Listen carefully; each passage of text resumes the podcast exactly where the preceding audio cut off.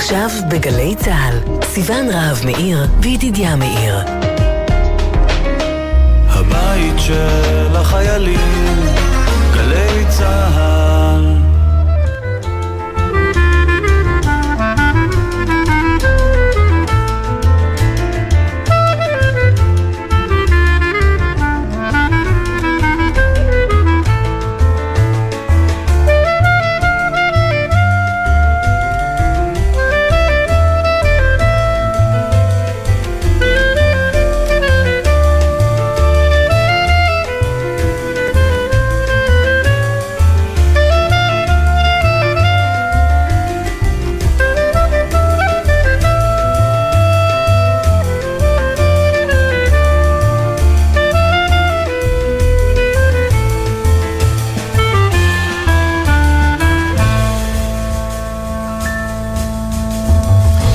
שלום סיון. שלום ידידיה, שלום לשירה אימברט פומפן העורכת, למוטי זאדה, הטכנאי כאן בירושלים, לצוות בתל אביב, תמנת צורי וענבל וסלי, ושלום לכם.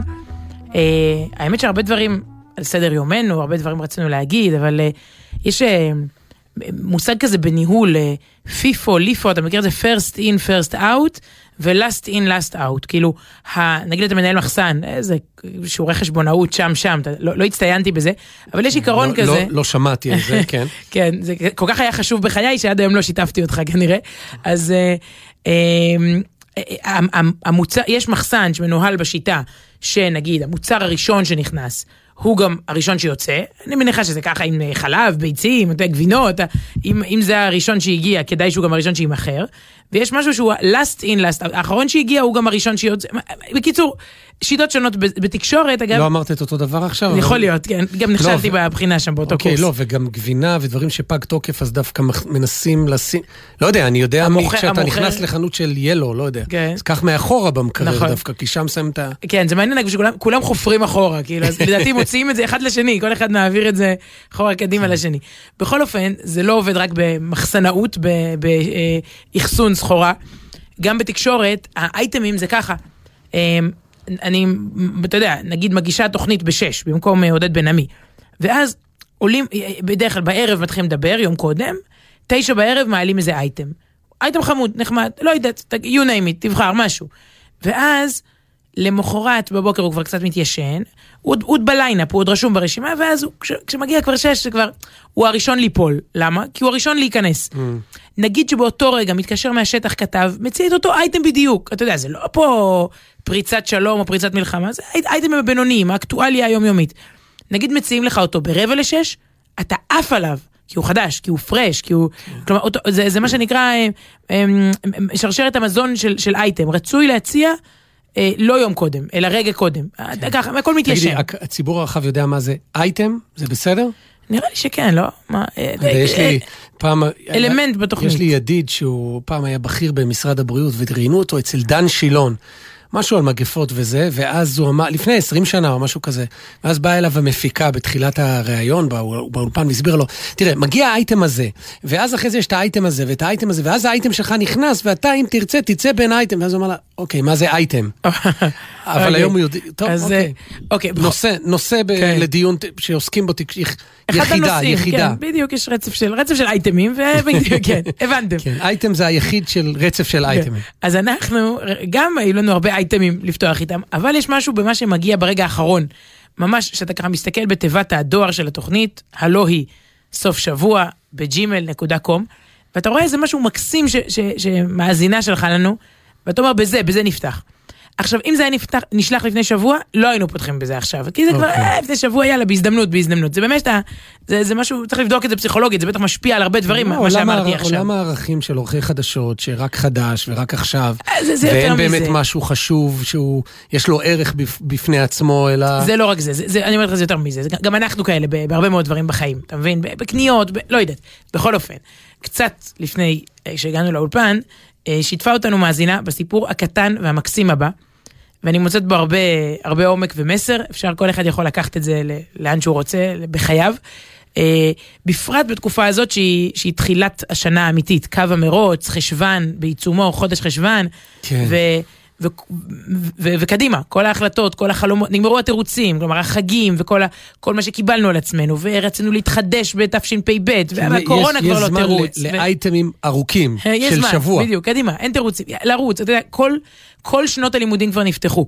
השבוע באוניברסיטאות, כן, ביום ראשון, כן. הגנים, בתי הספר, תיכונים, ישיבות, מכינות דם צבאיות, קדימה. אז, אז הסיפור הזה יכול לתת uh, קצת כנפיים לכל המחליטים והמנסים להתחיל. Uh, האייטם הזה מגיע קודם כל עם uh, צילום מסך של, uh, של וואטסאפ של התכתבות. כתוב למעלה יעל בן יונס, כנראה זה, היא תזונאית, היא דיאטנית, ואז אה, המאזינה שלנו כותבת לה, תדעי לך שמה שכתבת על בלוטות הטעם נתן לי מוטיבציה להוריד את כמות הסוכר בשתייה החמה, וכבר שבוע בערך אני שותה כפית במקום כפית וחצי בקפה. כפ... ב... בס... ב... בסוכר של כן, הקפה. כפית סוכר במקום כפית וחצי של סוכר בקפה. והתזונאית עונה לה וואו איזה זכות, ואז היא עונה לה באמת זכות, כולה חצי כפית לאט לאט. מאיזה תאריך ההודעה הזאת? כתוב פה כן. למעלה. אה, השלושה בנובמבר 2018. אוקיי. זה שלוש שנים אחורה, אנחנו אמצע אוקטובר, כאילו, זה, זה שלוש שנים אחורה, צילום מסך. ואז היא כותבת כך, יש לי חברה תזונאית שפתחה קבוצת וואטסאפ עם כל מיני טיפים לתזונה נכונה, ויום אחד היא כתבה שנתחיל לעבוד על גמילה מסוכר, ונוריד את הכמויות בהדרגה, וככה הגוף יצליח להתרגל ולא להילחם. כל הביטויים האלה של דיאטות, הגוף נלחם, הגוף זה. אמרתי, יאללה, ננסה לאט לאט. התחלתי להוריד. בהתחלה מכפית וחצי לכפית. כל פעם הפחתתי עוד קצת, תכף תבינו כמה קצת.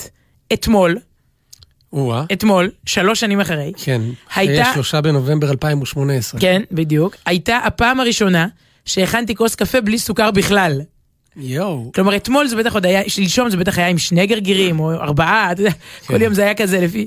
בדקתי בהיסטוריה של הוואטסאפ, עברו שלוש שנים מההודעה הראשונה ההיא, שהחלטתי שאני מתחילה. וזה לקח מאוד מאוד גדול. רגע, לפני הלקח, כן. אה, אה, אני, אני סתם, זה מעניין, כי אני מתמודד עם זה גם, ועם סוכר, והגוף, איך הגוף נלחם, והוא כן. בדודה, איך. אבל הסוכר של הקפה, אני ויתרתי על זה דבר ראשון. וואלה? זה, לא, זה, זה, זה באמת, אתה יודע, הגוף נלחם כשהגוף רואה מגנום. זה גוף, קודם כל, איש. איש ומלחמותיו. דבר כן, שני, אבל אתה- קפה, מה? אה, לא הסברנו מה זה אייטם, אתה עכשיו הורס את האייטם? כאילו שאני אסביר, מה- אתה עושה עכשיו? לא, אתה אומר לבן אדם שנלחם על כל גרגר סוכר שלוש שנים, ש- טוב, שזה- אני אנסה את לחלק את. הארטיקים את לגבי... המגנומים, כן. כן. אז אה, זאת, ואז היא מסיימת ואומרת, זאת מחשבה טובה שעלתה לי לראש לפני שלוש שנים, ורק בגלל ההתמדה, היא נתנה עכשיו את פירותיה המתוקים. כלומר, את פירותיה הלא מתוקים. חומר למחשבה לתחילת אה, חשוון.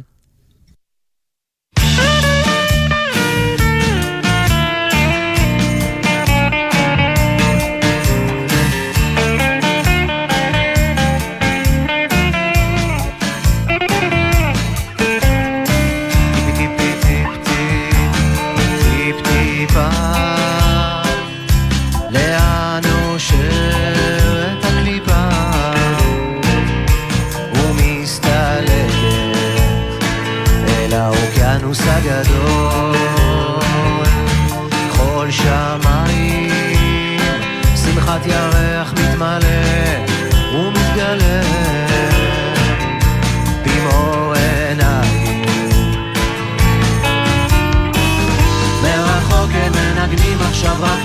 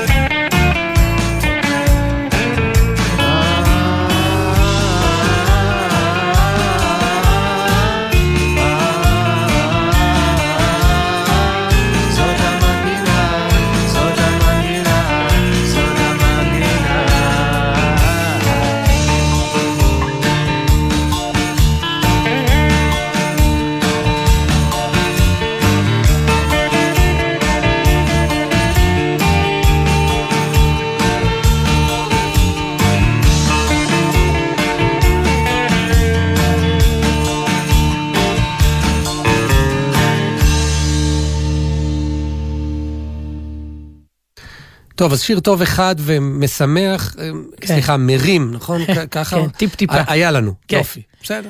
יאללה, ממשיכים? כן. טוב, אה, השבוע צוין יום העלייה. זה די מדהים שיש חוק כזה, זה כבר שש שנים מאז שנחקק בכנסת חוק יום העלייה שמציין אה, את היום שבו בעצם, אתה יודע, בהתחלה הוא נחקק על י' בסיוון, זה, זה התאריך שבו בני ישראל חצו את הירדן, כן. והחוק אה, קבע שבי' בסיוון יערכו, זה כאילו היום הרשמי, אבל בוא, אה, זה ערב פסח, ובתי הספר... י' בניסן. י' בניסן, סליחה, סליחה, י' בניסן. וואי, את ו- מתלבט- מתבלבלת בניסן לסיוון? איי, איי, איי, כן. מה? תודה רבה לך, ניסן רב מאיר. ובתי הספר בחופשה, וזה ערב פסח, ואז הוחלט ממש בחוק להעביר את זה לשבוע של פרשת לך לך. כלומר, משמע, השבוע. כן. אה, אני מכורה לסיפורי עלייה, אה, אולי דווקא כי לא, לא זכיתי בעצמי, אבל אבות אבותיי כן. בעצם אין, אין לנו מאזין פה שהוא לא עולה חדש, או בן של, או נכד של, או נין של, או גג, כאילו, אין לנו מאזין שלא... יש קומץ ותיקים עד כדי כך. שהוא משני הצדדים הם פה בארץ, אה, מה, כמה, נכון. שנים. וכתבתי ככה ברשתות, כתבנו אה, ש... אה, א', זה לא סתם, העולה הראשון החדש הוא אברהם אבינו, הראשון אי פעם, העולה החדש. לך לך. ש, שבדיוק, שהוא בעצם, אה, איך קוראים לזה, לק- לקייל את המצפן, לכוון אותו, הוא מכוון את המצפן לפה, ובעקבותיו אה, כבר אלפי שנים צועדים לכאן. אז העולה החדש הראשון, העולה החדשה הראשונה, שרה אימנו, זה בעצם קורה בפרשה, לך לך, אה, גם לעזוב שם את ארצך, מולדתך, בית אביך, וגם ללכת לכאן, אל הארץ המובטחת. צריך לדמיין ו- את אברהם אבינו ככה במטוס של נפש בנפש, מגיע לשדה עם התעופה. כתבים על ה... על ה- כן, כתבים מראיינים ופ- אותו. פותחים את המדרגות. את יודעת שאמרו לנו פעם שאת העולים, הרי היום יוצאים ישר עם שרוול, כל טיסה שהיא בעולם, חוץ מ, לא יודע, בתאילנד, במקומות כאלה. אבל אה, את העולים החדשים שמגיעים במטוסים המיוחדים של נפש בנפש, אז מביאים להם ממש כבש.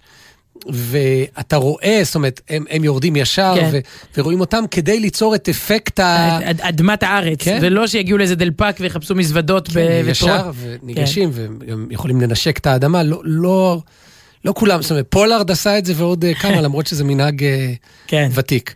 אז, ביק, אוקיי, אז ביקשנו סיפורים, אה, לא דר, דרמטי, זה לא שעכשיו נקריא את סיפור העלייה של נתן שרנסקי, אלא, אלא של אנשים שהם לא, לא שרנסקי, וסיפור העלייה שלהם לכאורה לא התפרסם, אבל הם, איך אמר השיר, טיפ טיפה, טיפ ועוד, ו- ועוד טיפה ועוד טיפה, הם מהווים את מה שאנחנו בונים פה ביחד בדור הזה. ו- והסיפורים שתשמעו עכשיו אינם, אינם סיפורים של הכותרת הראשית, זה מדגם לא מייצג של העוקבים שלנו פחות או יותר, ואמרנו, אם יש לכם סיפור, שתפו. הם לא אייטם, כן? אז ככה, יולה מיז כותבת, עלינו מבלארוס, אז הייתה ברית המועצות, חיינו בארץ עד שנת 2000. ואז אבי נעקץ בפרשת קבלנים גדולה, ואיבד כל תקווה לחיות בו. אה, אחי הקטן נולד וירדנו לקנדה.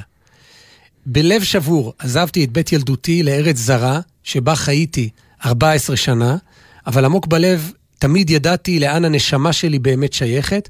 ובשנת 2010 הכרתי את בעלי, שהוא מאשקלון. אגב, שם היא גדלה, באותה תקופה שהיא הייתה בארץ. זוכרת, יש לנו עלייה, עלייה ראשונה ועלייה שנייה שמיד תגיע. הוא הגיע לטייל בקנדה, והיום אני מגדלת שלושה ילדים באותו חדר שבו ביליתי את ילדותי, ונשבעתי שאליו אשוב. זאת אומרת, זה סיפור ממש עלייה עלייה, כפולה. ירידה, יפה. ושוב עלייה, ולחזור ממש לאותה נקודה, לה- להגשים חלום ילדות. ו... יפה, ל- יולה. כן. אה, אנה בלין כותבת, יצא לי לכתוב את הסיפור שלי לפני שלוש שנים, כאשר הוזמנתי לספר אותו מטעם בית הספר של בתי במסגרת שבוע העלייה שהם למדו, ובאופן סימבולי עמדתי מול ילדים בני שמונה בכיתה ג' וסיפרתי על ילדה בת שמונה בשם אנה ממינסק, בלרוס, אנחנו עדיין נשארים באותה, באותה גיאוגרפיה, שהגיעה לישראל אל הלא נודע. סיפור העלייה שלי מבחינתי מתחיל בגיל שש בערך. עד אז לא ידעתי שאני יהודייה. ההורים שלי בחרו לא לספר לי את זה כדי שלא אחווה אנטישמיות. לא חשדתי בכלום למרות השמות הסופר יהודיים של משפחתי, סבא ישראל, סבתא לאה, אבל לא חגגו בבית חגים יהודיים, לא דיברו עברית, גם לא יידיש. ויום אחד, היא מספרת, ראיתי עם אימא שלי תוכנית בטלוויזיה על השואה, על הגטאות, המחנות, ואני באופן הכי תמים אמרתי לאימא שלי, אימא, אני לא הייתי עושה את זה ליהודים. וואי. ואז היא ענתה לי, את יודעת, אנה, את יהודייה בעצמך. תחושת גאווה עטפה אותי, הרגשתי מיוחדת, הרגשתי שונה, לא כמו כולם. כולם סביבי נוצרים, אבל אני יהודייה. מיד סיפרתי את הבשורה בגאווה רבה לכל חברותיי. עכשיו תחשבי, ההורים שלה כל החיים כן. מסתירים את זה ממנה בדיוק כדי שחברותיה לא ישמעו ולא תחווה, אבל מיד רצה לספר. חברות שלי לא ממש הבינו כמוני שיש עוד דת בעולם הזה. ההורים שלי מאוד חששו מהמהלך שלי אה, לספר לכל העולם על היהדות שלי, אבל למזלי זה עבר בשלום. מה שכן, אם כבר מדברים באותם שנים, אנחנו מדברים על סוף שנות ה-80, התחילו בבל... התחיל בבלארוס גל של פוגרומים נגד יהודים. אבא שלי היה הולך לישון, שימי לב, עם מה מתחת לכרית? אקדח? לא. רובה? לא. קרבין? לא. גרזן וואי. מתחת לכרית, ועל הדלת הוא היה שם מזחלת שלג. למקרה שיפרצו לנו הביתה, המזחלת מיד תיפול, הוא יתעורר מהרעש ויקפוץ על הפורצים עם... הגרזן. יפה. בנוסף לכך, הוריי התחילו לחוש, תחשבי, זה שנות ה-80, זה נשמע איזה סיפור mm-hmm. כזה מהקוזקים. ש... בנוסף לכך, הוריי התחילו לחוש אנטישמיות מתגברת במקומות העבודה שלהם, ואמירות מסוג של נו ז'ידי, מתי תעופו לישראל שלכם? ותוספת לכל זה, היא אומרת, תקופת צנע בברית המועצות, חנויות ריקות, הכל קונים עם קופונים. אני זוכרת שבבית הספר עשו הגרלה על קופונים למגפיים. אני, עם המזל שלי, לא זכיתי, אבל הצלחתי לשכנע ילד מהכיתה שזכה לתת לי את הקופון שלו.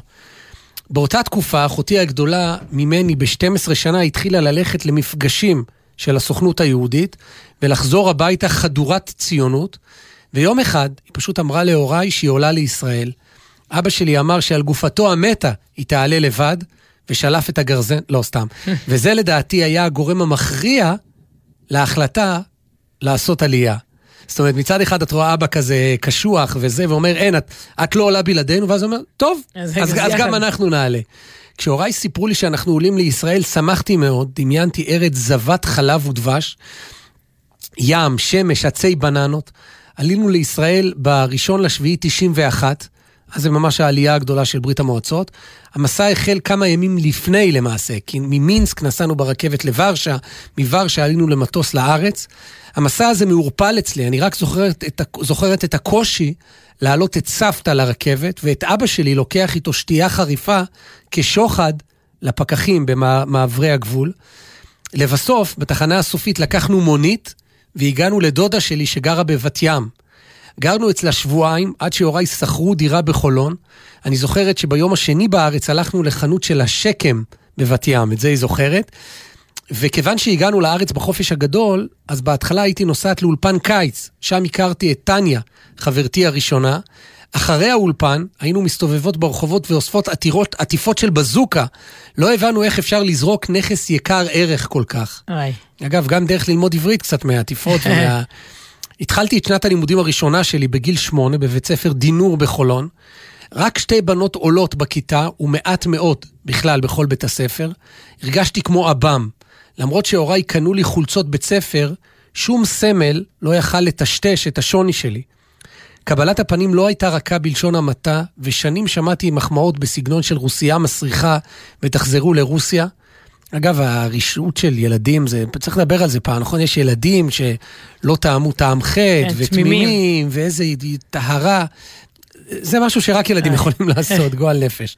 הורים שלי, אה, בהתחלה הייתי שותקת, בשלב מסוים אה, התחלתי לענות, ובסוף רק מכות תיקנו את המצב.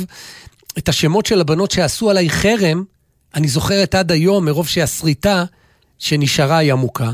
ההורים שלי, שניהם מהנדסים, אה, גם, גם להם הייתה התמודדות, בהתחלה הם הלכו לאולפן, ובמקביל אבא שלי התחיל לעבוד בריצוף של מדרכות, באבנים משתלבות, ואימא שלי במשק בית ובטיפול בזקנים.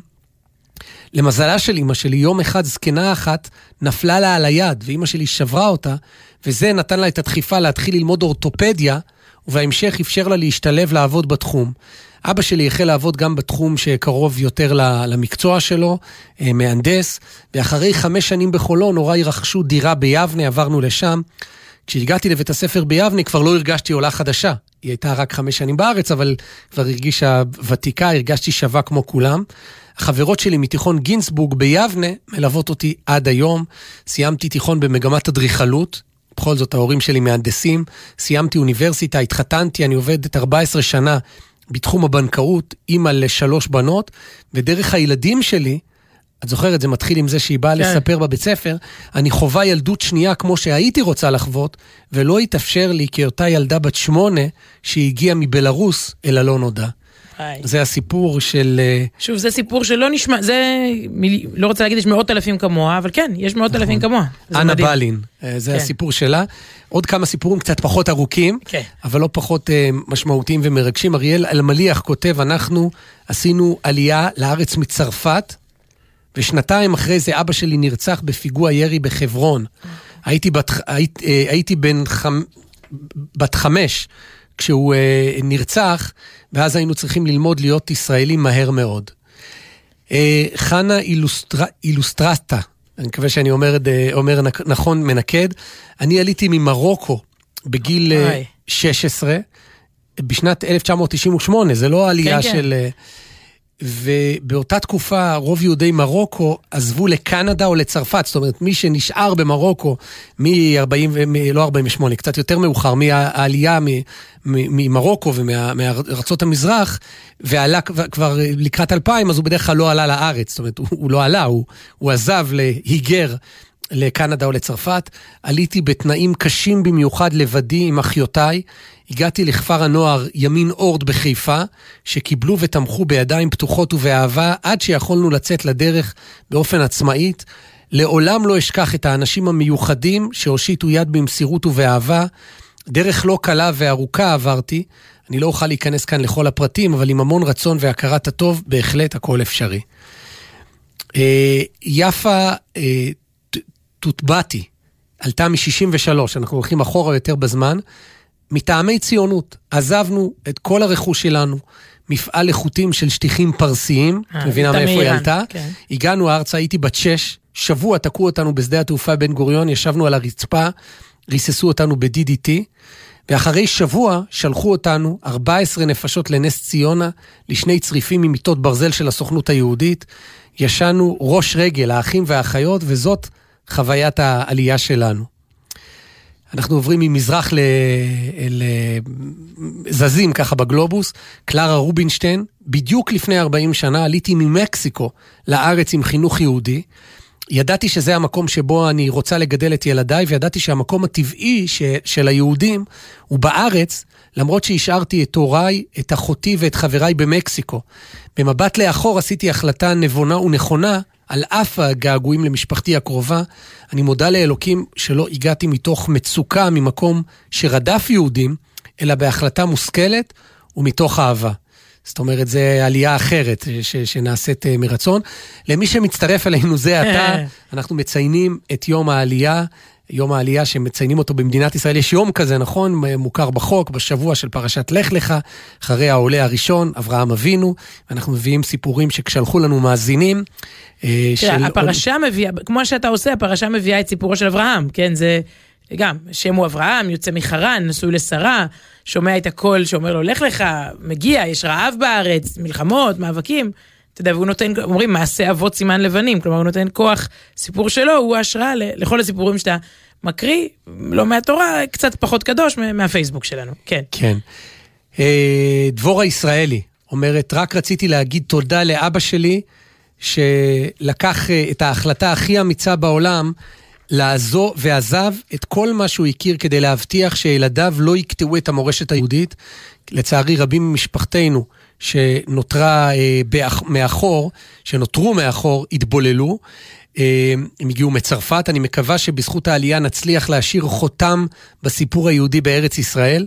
מאז העלייה, אה, אז בת 13, הספקתי לנחות מהריביירה הצרפתית הישר ללב מדבר יהודה, ללמוד באחת האולפנות הטובות בארץ, לעבור את כל תקופת אוסלו בפחד אינסופי, שהפעם זאת הפעם האחרונה שאני עולה לאוטובוס. לא פעם היא מספרת, דילגתי מתחנה לתחנה בגלל אנשים חשודים. טוב, זו לא חוויה של עולה, זו חוויה של כל, כל מי שהיה בארץ באותם ימים. הספקתי לסיים בגרות מלאה בהצלחה, ובעברית, שלוש, סליחה, ארבעה סימני קריאה, להדריך טיולים, להתחתן לבוגר סיירת, פש, להתיישב בגוש קטיף, להיעקר בשברון לב גדול, להביא חמישה ילדים מהממים, להתיישב מחדש, לאחות את השברים, לחנך דורות של תלמידים, ואם זה לא מספיק, אז יצאנו לפני חודשיים לפרק חדש בחיים, עברנו לגור באילת. אוהו, מהריביירה. הצרפתית לריביירה האילתית. כן, תוך, תוך כדי גוש קטיף וכולי. אם עסקינן בעליות, אז אין ראוי יותר מלהודות לאיש שעמד מאחורי סיפור העלייה שלנו ושל עוד רבים אחרים, האיש והאגדה שלום וך, באמת דמות מוכרת. לא, לא, זה, זה אירוע, זה עלייה, כן. עולים בקבוצה ונקלטים בקבוצה. כל המשברים, שתחשוב שאתה לוקח קבוצה וקולט אותה בתוך יישוב, בתוך קהילה, בתוך מושב, בתוך קיבוץ. אז זה, זה, יש להם ארגון לזה, אז כן, הנה, היא, היא, חלק, היא. חלק מקבוצת נצח ישראל 93. או.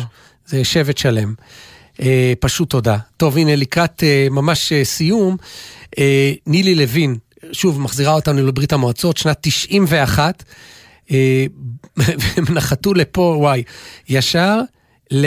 אני יודע להגיד בעל פה את התאריך, 15 בינואר 91. אה, תחילת אה, מלחמת המפרץ, האולטימטום פקיעת האולטימטום. של אמריקה, כן. כן, למעשה האולטימטום פקע ב-15 וב-16 התחילה המלחמה פה. זאת הייתה חוויה קשה לנו כילדים שהגענו לארץ החלומות, ואז מקבלים מסכות בשדה התעופה, ובלילה הראשון שומעים אזעקות. אני זוכרת את אימא שלי בוכה בבכי מר ואומרת, לאיפה הבאתי את הילדים שלי? היינו ארבעה ילדים קטנים בגילאי אה, 6 עד 14, וזאת זאת החוויה שחרותה בי לעולמים. והיום, אחרי שנים רבות, אנחנו שמחים על העלייה, למרות הקושי. אה, זאת המלחמה שאליה הם... אה, בואי כן. נגיד שמצד אחד זה, זה נורא, מצד שני, לחשוב על כל האנשים שעלו לארץ למלחמות הרבה נורא. יותר דרמטיות, מה- למלחמת השחרור, והלכו להילחם, מחוף תל כולם... אביב ל- ל- לקרב. נכון. ה- הסיפור האחרון הוא, מישהו, ביקשנו ממאזינים, מקוראים, לכתוב לנו את סיפורי העלייה שלהם, אז אה, מאזין אחד כותב, אה, בעצם אומר, עולים חדשים זה לא רק משנות ה-90 או 2000, או אפילו לא ה-60 וה-50, אלא אה, הוא אומר כך, ניר קובי, המשפחה שלי עלתה לארץ לפני קרוב ל-300 שנה, כשהיה כאן מדבר האמת שהוא. מייצג, לא, רוב העולים הם אה, איך? ניר קובי ומשפחתו. אמרנו, אברהם אבינו זה עלייה ראשונה, כן? אה, אל תכת- אל תכתבו את זה בבגרות בהיסטוריה, אה, כן. אבל עלייה ראשונה. ומאז כל הזמן זה גלות וחוזרים וגלות ותלמידי, יש ממש בעליית תלמידי הבעל שם טוב, ועליית תלמידי רבי יוסף קארו, ועלייה של תלמידי הגאון מווילנה, והעליות התימניות המדהימות, ואז כל עליות הח- החלוצים, ונכון, זה מה שנקרא, ונמשכת שיירה, כאילו זה... כן. אז מה הוא כותב? הוא, הוא אומר, היה כאן מדבר שממה, אה, הגענו לטבריה ולצפת וזכינו להיות מהמשפחות שהניחו את התשתית היהודית לכל העליות שבאו אחר כך. אה, הרב שמואל אבו ומשפחת קובי כן. הט- הטבריאנית רכשו אדמות בהיותם הקונסולים של צרפת והרבנים הראשיים של אה, צפת. כן, משפחת אבו מצפת, כן. נכון? זה מאוד עתיק. והעבירו אותם אחר כך לעולים שהיה אסור להם בימי הטורקים לרכוש קרקעות. טוב, זה סיפור שלם. כמו כן הם רכשו את מתחם הרשב"י, שיפצו, העמידו את כל המבנה מסביב אה, ואת כל החומות החומה היהודית. הם רכשו וגאלו את האדמות לראש פינה, יסוד המעלה, משמר הירדן, דרום מערב הגולה, מחניים, עין זיתים והר מירון. משפחת קובי הטבריאנית שהקימו שכונה ובית כנסת בעיר העתיקה ושמרו על הכיפה של השלט. טוב, זה, זה נושא אוקיי. בפני עצמו. אז זה העולה האחרון שלנו. זה יפה, לא, הוא רואה את כולם מספרים סיפורים על עכשיו, הוא אומר, אוקיי, אנחנו נרחיב את נרחיב את היריעה. כן. יפה מאוד. אז לנו שיר אה, חדש, כלומר מדורנו, שמדבר על העולה הראשון, ההוא ההוא, אברהם אבינו, לך לך, עקיבא תורג'מן, היי, הלו. אבא שלו, אה, משפחה של אבא שלו עלתה ממרוקו, ומשפחה של אימא שלו עלתה מארצות הברית. ככה נהיה עקיבא תורג'מן. כן, ככה נה- נהיית מוזיקה מעניינת בדרך כלל. הנה. אישון לעיל, קבע ירח, מאחורי ענן, שמעת קול מתחת לחלום, הרגשת זה הזמן, עוד מעיל אל הכל, כמה חפצים בתיק קטן, פתק על המקרר, כתבת, יוצא לדרך, לא יודע לאן. כשזה קורה, זה קורה. לא צריך להתבלבל.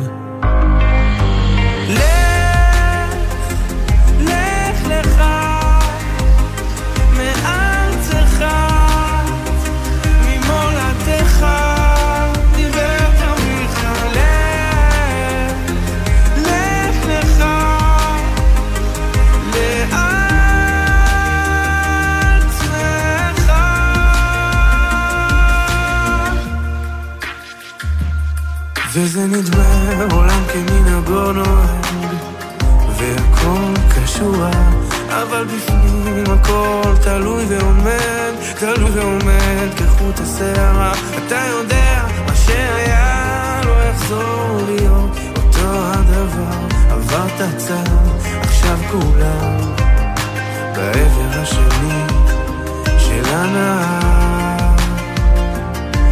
כשזה קורה, זה קורה. לא צריך להתבלבל.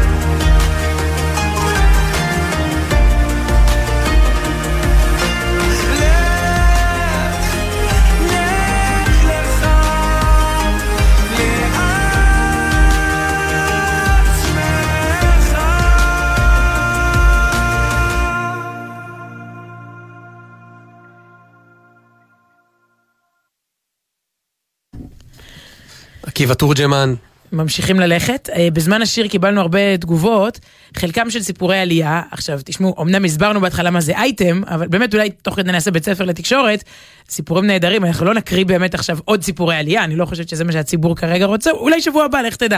אבל אה, תודה, מרגש, אה, אנחנו קראנו, וקיבלנו עוד הערה, לא רק סיפורי עלייה, אלא גם הערה מעשית, תכלס, יעקב חגואל, מההסתדרות הציונית, מהסוכנות היהודית. מה זה, מה זה יו"ר, מההסתדרות? יו"ר, יו"ר ההסתדרות, נכון? הוא כרגע, את יודעת. הקדנציה שלו הוארכה השבוע, אני לא יודע עד מתי. לך תדע מה הוא המחליף של- נכון. של יצחק הרצוג, נכון. יושב ראש הסוכנות היהודית. אז uh, הוא, הוא כותב יפה מאוד, עכשיו לעודד את הציבור לקלוט עלייה. אתה מדבר פה על מצווה שהיא, שהיא, שהיא מצוות העלייה, אבל יש לה את הצד השני, עלייה וקליטה, יש פה צד שני למטבע. וזה נכון, יש לנו יכולת, גם מי שנולד פה, אפילו דור עשירי, אה, יכול לקלוט עלייה, להקל, ולהקל זה לא אומר רק לעזור להם עם המשכנתה, גם בחיוך, גם בתרגום של החשבון של בזק, או, או משהו כזה, ו- ו-. את רואה כמה בסיפורי העלייה ש, ש, שקיבלנו, כמה אנשים, ילדים אפילו, נערים, אה, ש, שהיו נחמדים או לא נחמדים, כמה הם זוכרים את זה שנים אחרי זה, אותם עולים, מי התייחס יפה, בבית ספר ההוא היו, היה נחמד, כן. שם התעללו נכון. בי ואני עד היום זוכרת את השמות. לך פעם היה רעיון, למה אנחנו לא משיקים אותו כרגע?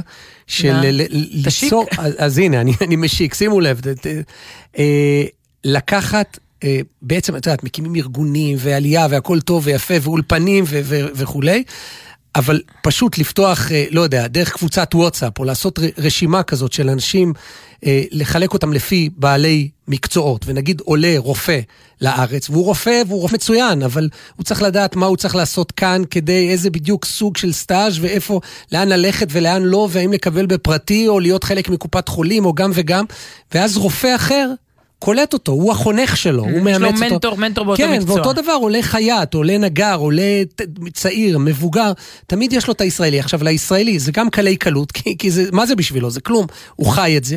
גם ייתן לו תחושת שליחות ובאמת מעשה נאצל, כי הוא מרגיש איך הוא משפיע טוב על קולט עלייה, את יודעת, ו, ולעולה זה, זה נהדר. אז אתה עושה מין חברותות כאלה לפי כן, מקצועות. עכשיו זה משהו וירטואלי, זאת אומרת, רק לקלוט את הרשימות האלה. שיהיה לך למין הג'אז, כן.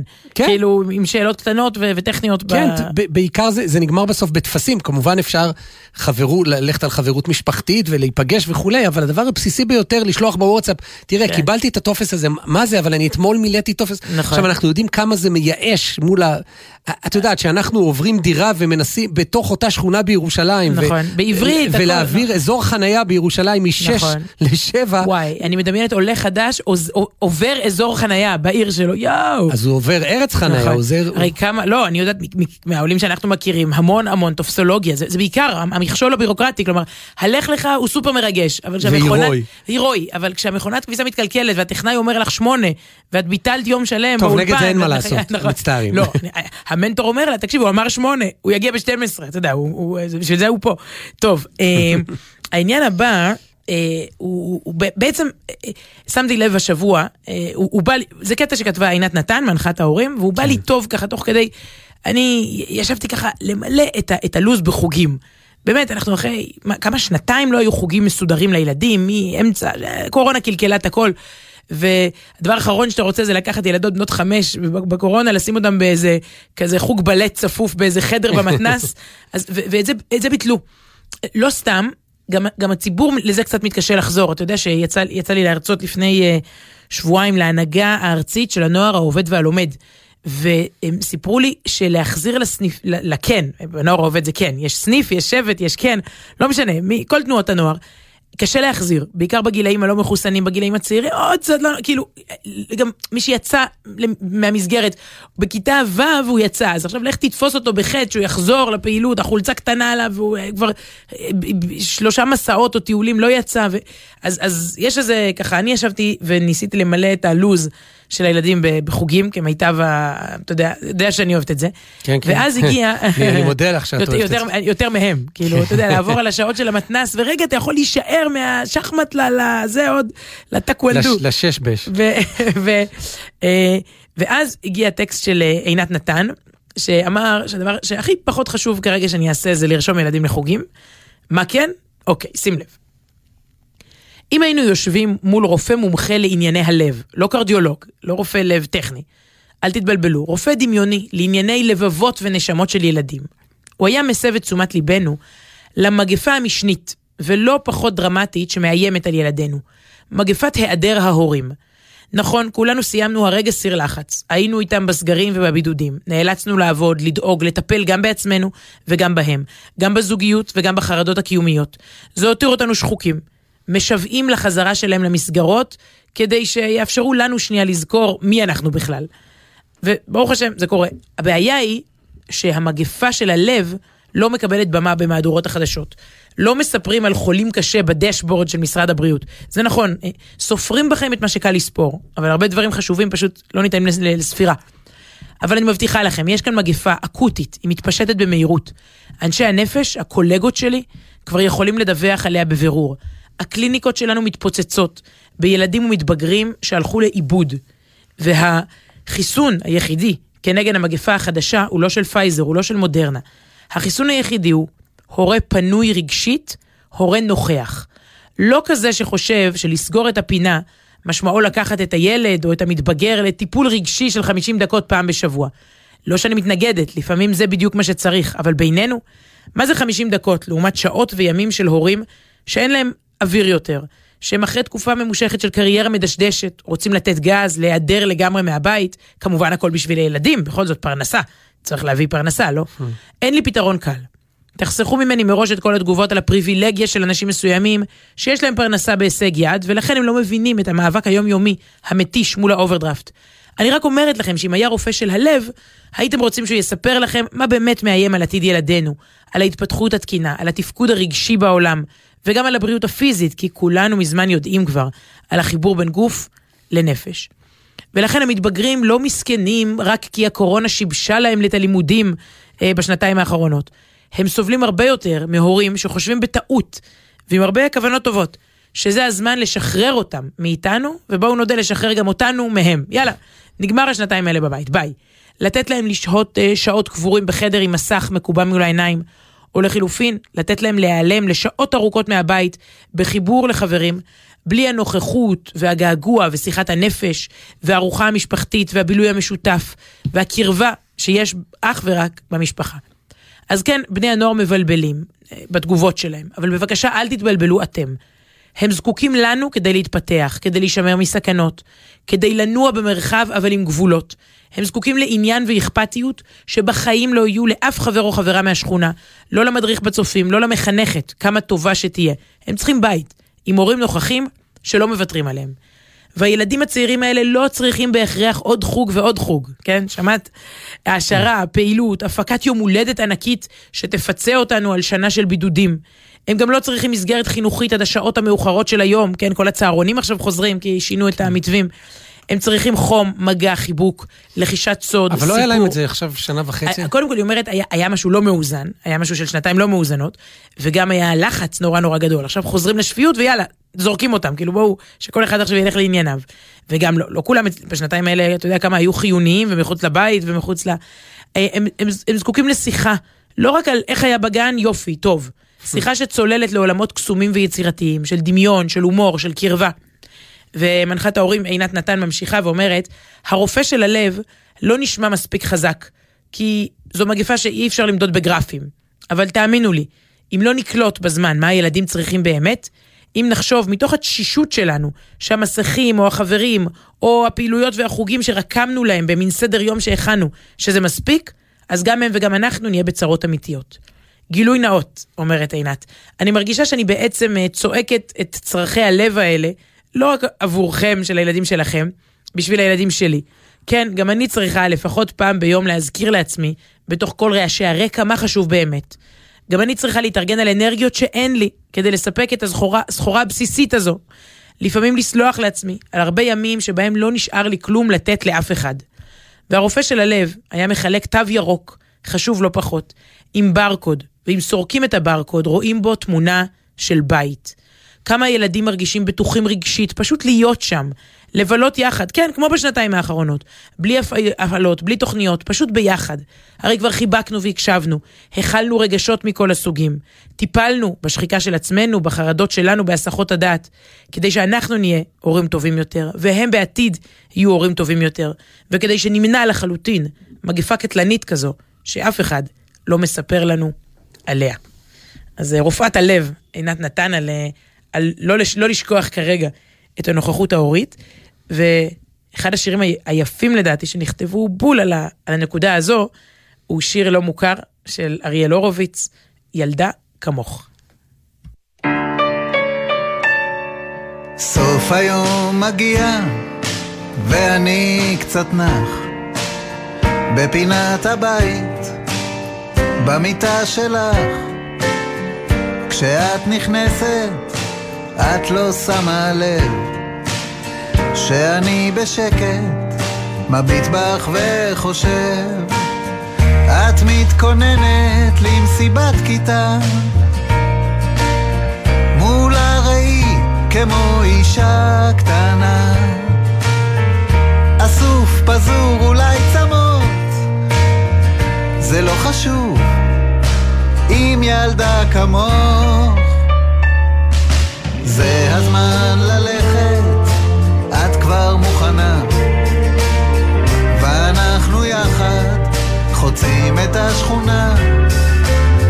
את מספרת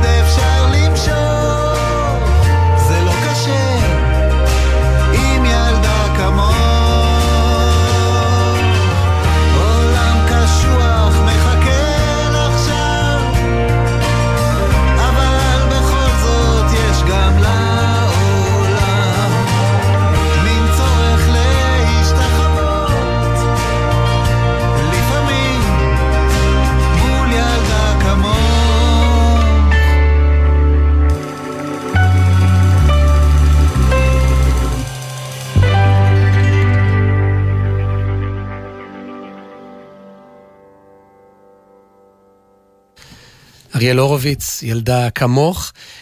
את יודעת, בתחילת התוכנית, אה, אי שם בתחילת התוכנית, דיברת על, אה, על אייטמים, על נושאים שנכנסים ברגע האחרון, ולכן יש להם אה, עדיפות, כי הם יותר כן. טריים ו, ובלי אבק. הנה נושא ש, שמגיע, ממש רגע לפני ש, שנכנסנו לאולפן ראינו, והוא... האמת שזה, גם, גם בלי הנסיבות, זה שיר שמשמיעים המון ברדיו, אבל הבוקר נפטר יצחק, ו, יצחק וקנין, או בשמו המעוברת יצחק קינן.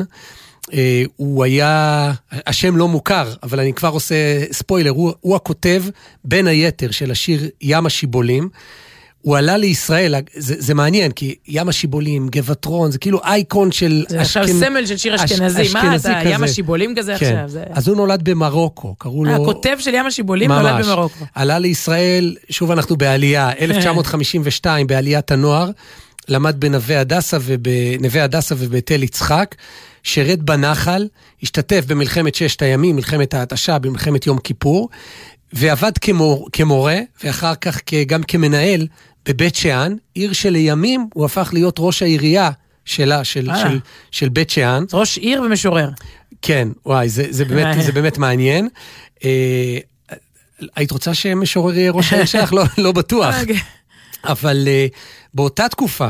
למרות. שיש לי ראש עיר פייטן, אתה יודע. נכון. משה, משה ליאון, uh, זה כבר נהיה, אין, אין אירוע שהוא לא נותן איזה פיוט לאחרונה בכל המופעים המוזיקליים. כן, את יודעת שהרבה פעמים כ... כמנחה, את בטח גם חווה את זה של אה, דברים שקורים בירושלים, אז רגע לפני שהוא עולה, אני... רגע, זה, הוא מברך או שהוא גם... הוא ישיר, להתקיל אותו? Yeah. זה יוצר איזה מצב זה כזה... זה כבר לא התקלה, אם הוא עולה כן. למיקרופון, יהיה, יהיה איזה פיוט. אז, זה כבר לא התקלה. כן. עכשיו... אבל אנחנו ב, בסיפור של יצחק קינן שנפטר הבוקר. בשנות ה-70, כשהוא היה מורה בבית שאן, הוא כתב את השיר הזה על, על הנופים האלה, על ים השיבולים שמסביב. ובמקור, במקור, במקור, השיר הזה בוצע על ידי להקת הזמר והמחול של בית שאן, במסגרת אה, הופעות ברחבי הארץ. ולימים, אגב, הלחן הוא של, צריך לתת קרדיט ללחן, זה לא פחות מהמילים, חיים אגמון, והוא שימש באותם ימים כמנהל המוזיקלי של להקת הגבעטרון, ואז הביא את השיר לשם, ומה שנקרא שער היסטוריה. אז uh, הנה, נשמע את השיר.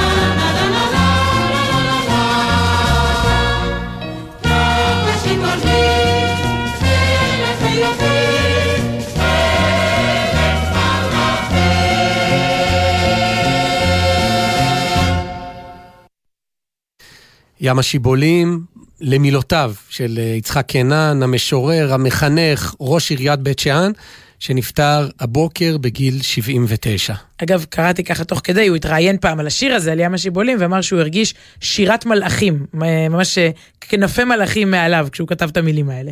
בעמק, עמק, אה, עמק בית שאן.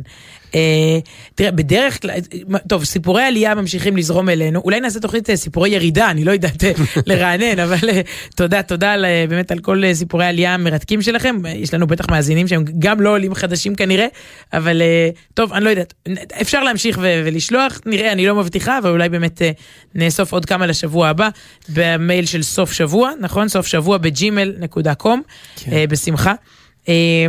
אה, ובעצם אנחנו רגילים לדבר כאן על הפרשה, אפשר להגיד במובן מסוים, בסוף התוכנית, במובן מסוים כל התוכנית הוקדשה לפרשת לך לך, אבל לא רק זה, אברהם אבינו לא רק עלה, הוא אפשר להגיד עלה ועלה ועלה, כלומר התעלה, לא רק עלה לארץ, אלא גם כאן בנה ונבנה וחינך, בעצם קראתי איפשהו שאם היה מצעד המשפיעים, אתה יודע, היום הכל זה אושיות, משפיענים, כמה עוקבים יש לך, אז המקום הראשון הוא אברהם אבינו, יש לו הכי הרבה עוקבים בהיסטוריה, כן, ממש, הכי הרבה עוקבים.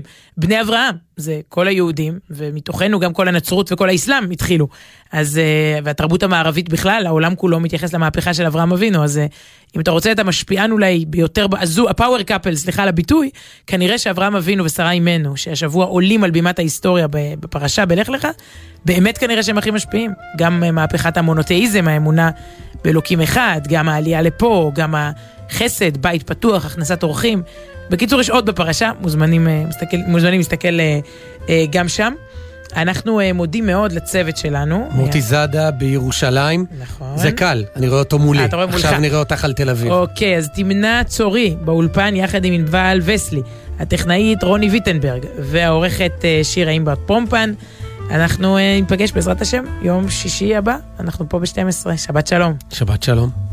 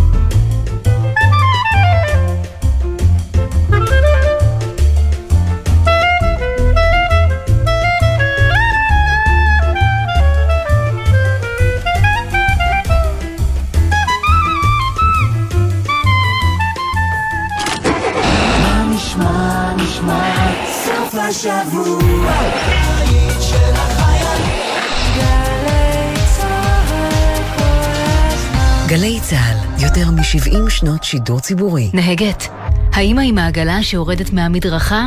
לא תזכיר לך. הנער שמתקרב למעבר חצייה עם אוזניות? לא יזכיר לך. גם הילד שהתפרץ לכביש בין שתי מכוניות? לא יזכיר לך. אבל אנחנו נזכיר לך, כשאת נוהגת עשרה קמ"ש פחות, את עדיין יכולה להגיב בזמן על סכנות ולהציל חיים. זכרו, עשרה קמ"ש פחות, פי שניים סיכוי לחיות.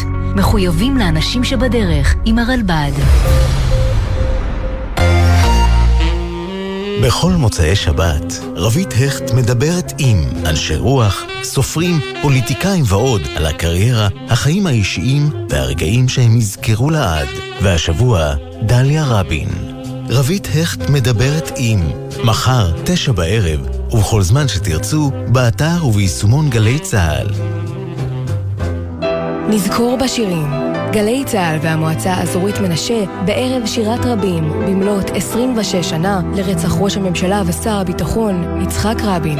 בהשתתפות זהבה בן, לואי עלי, אבי טולדנו, ליהי טולדנו, עדן מאירי, שחקני תיאטרון צה"ל וזמרי הלהקות הצבאיות, חבורות הזמר צלילי מנשה ונוער מנשה. ראשון, תשע בערב, בהיכל התרבות מנשה בקיבוץ גן שמואל ובשידור חי בגלי צה"ל. מיד אחרי החדשות, אודה הקורן ונתן דטנר.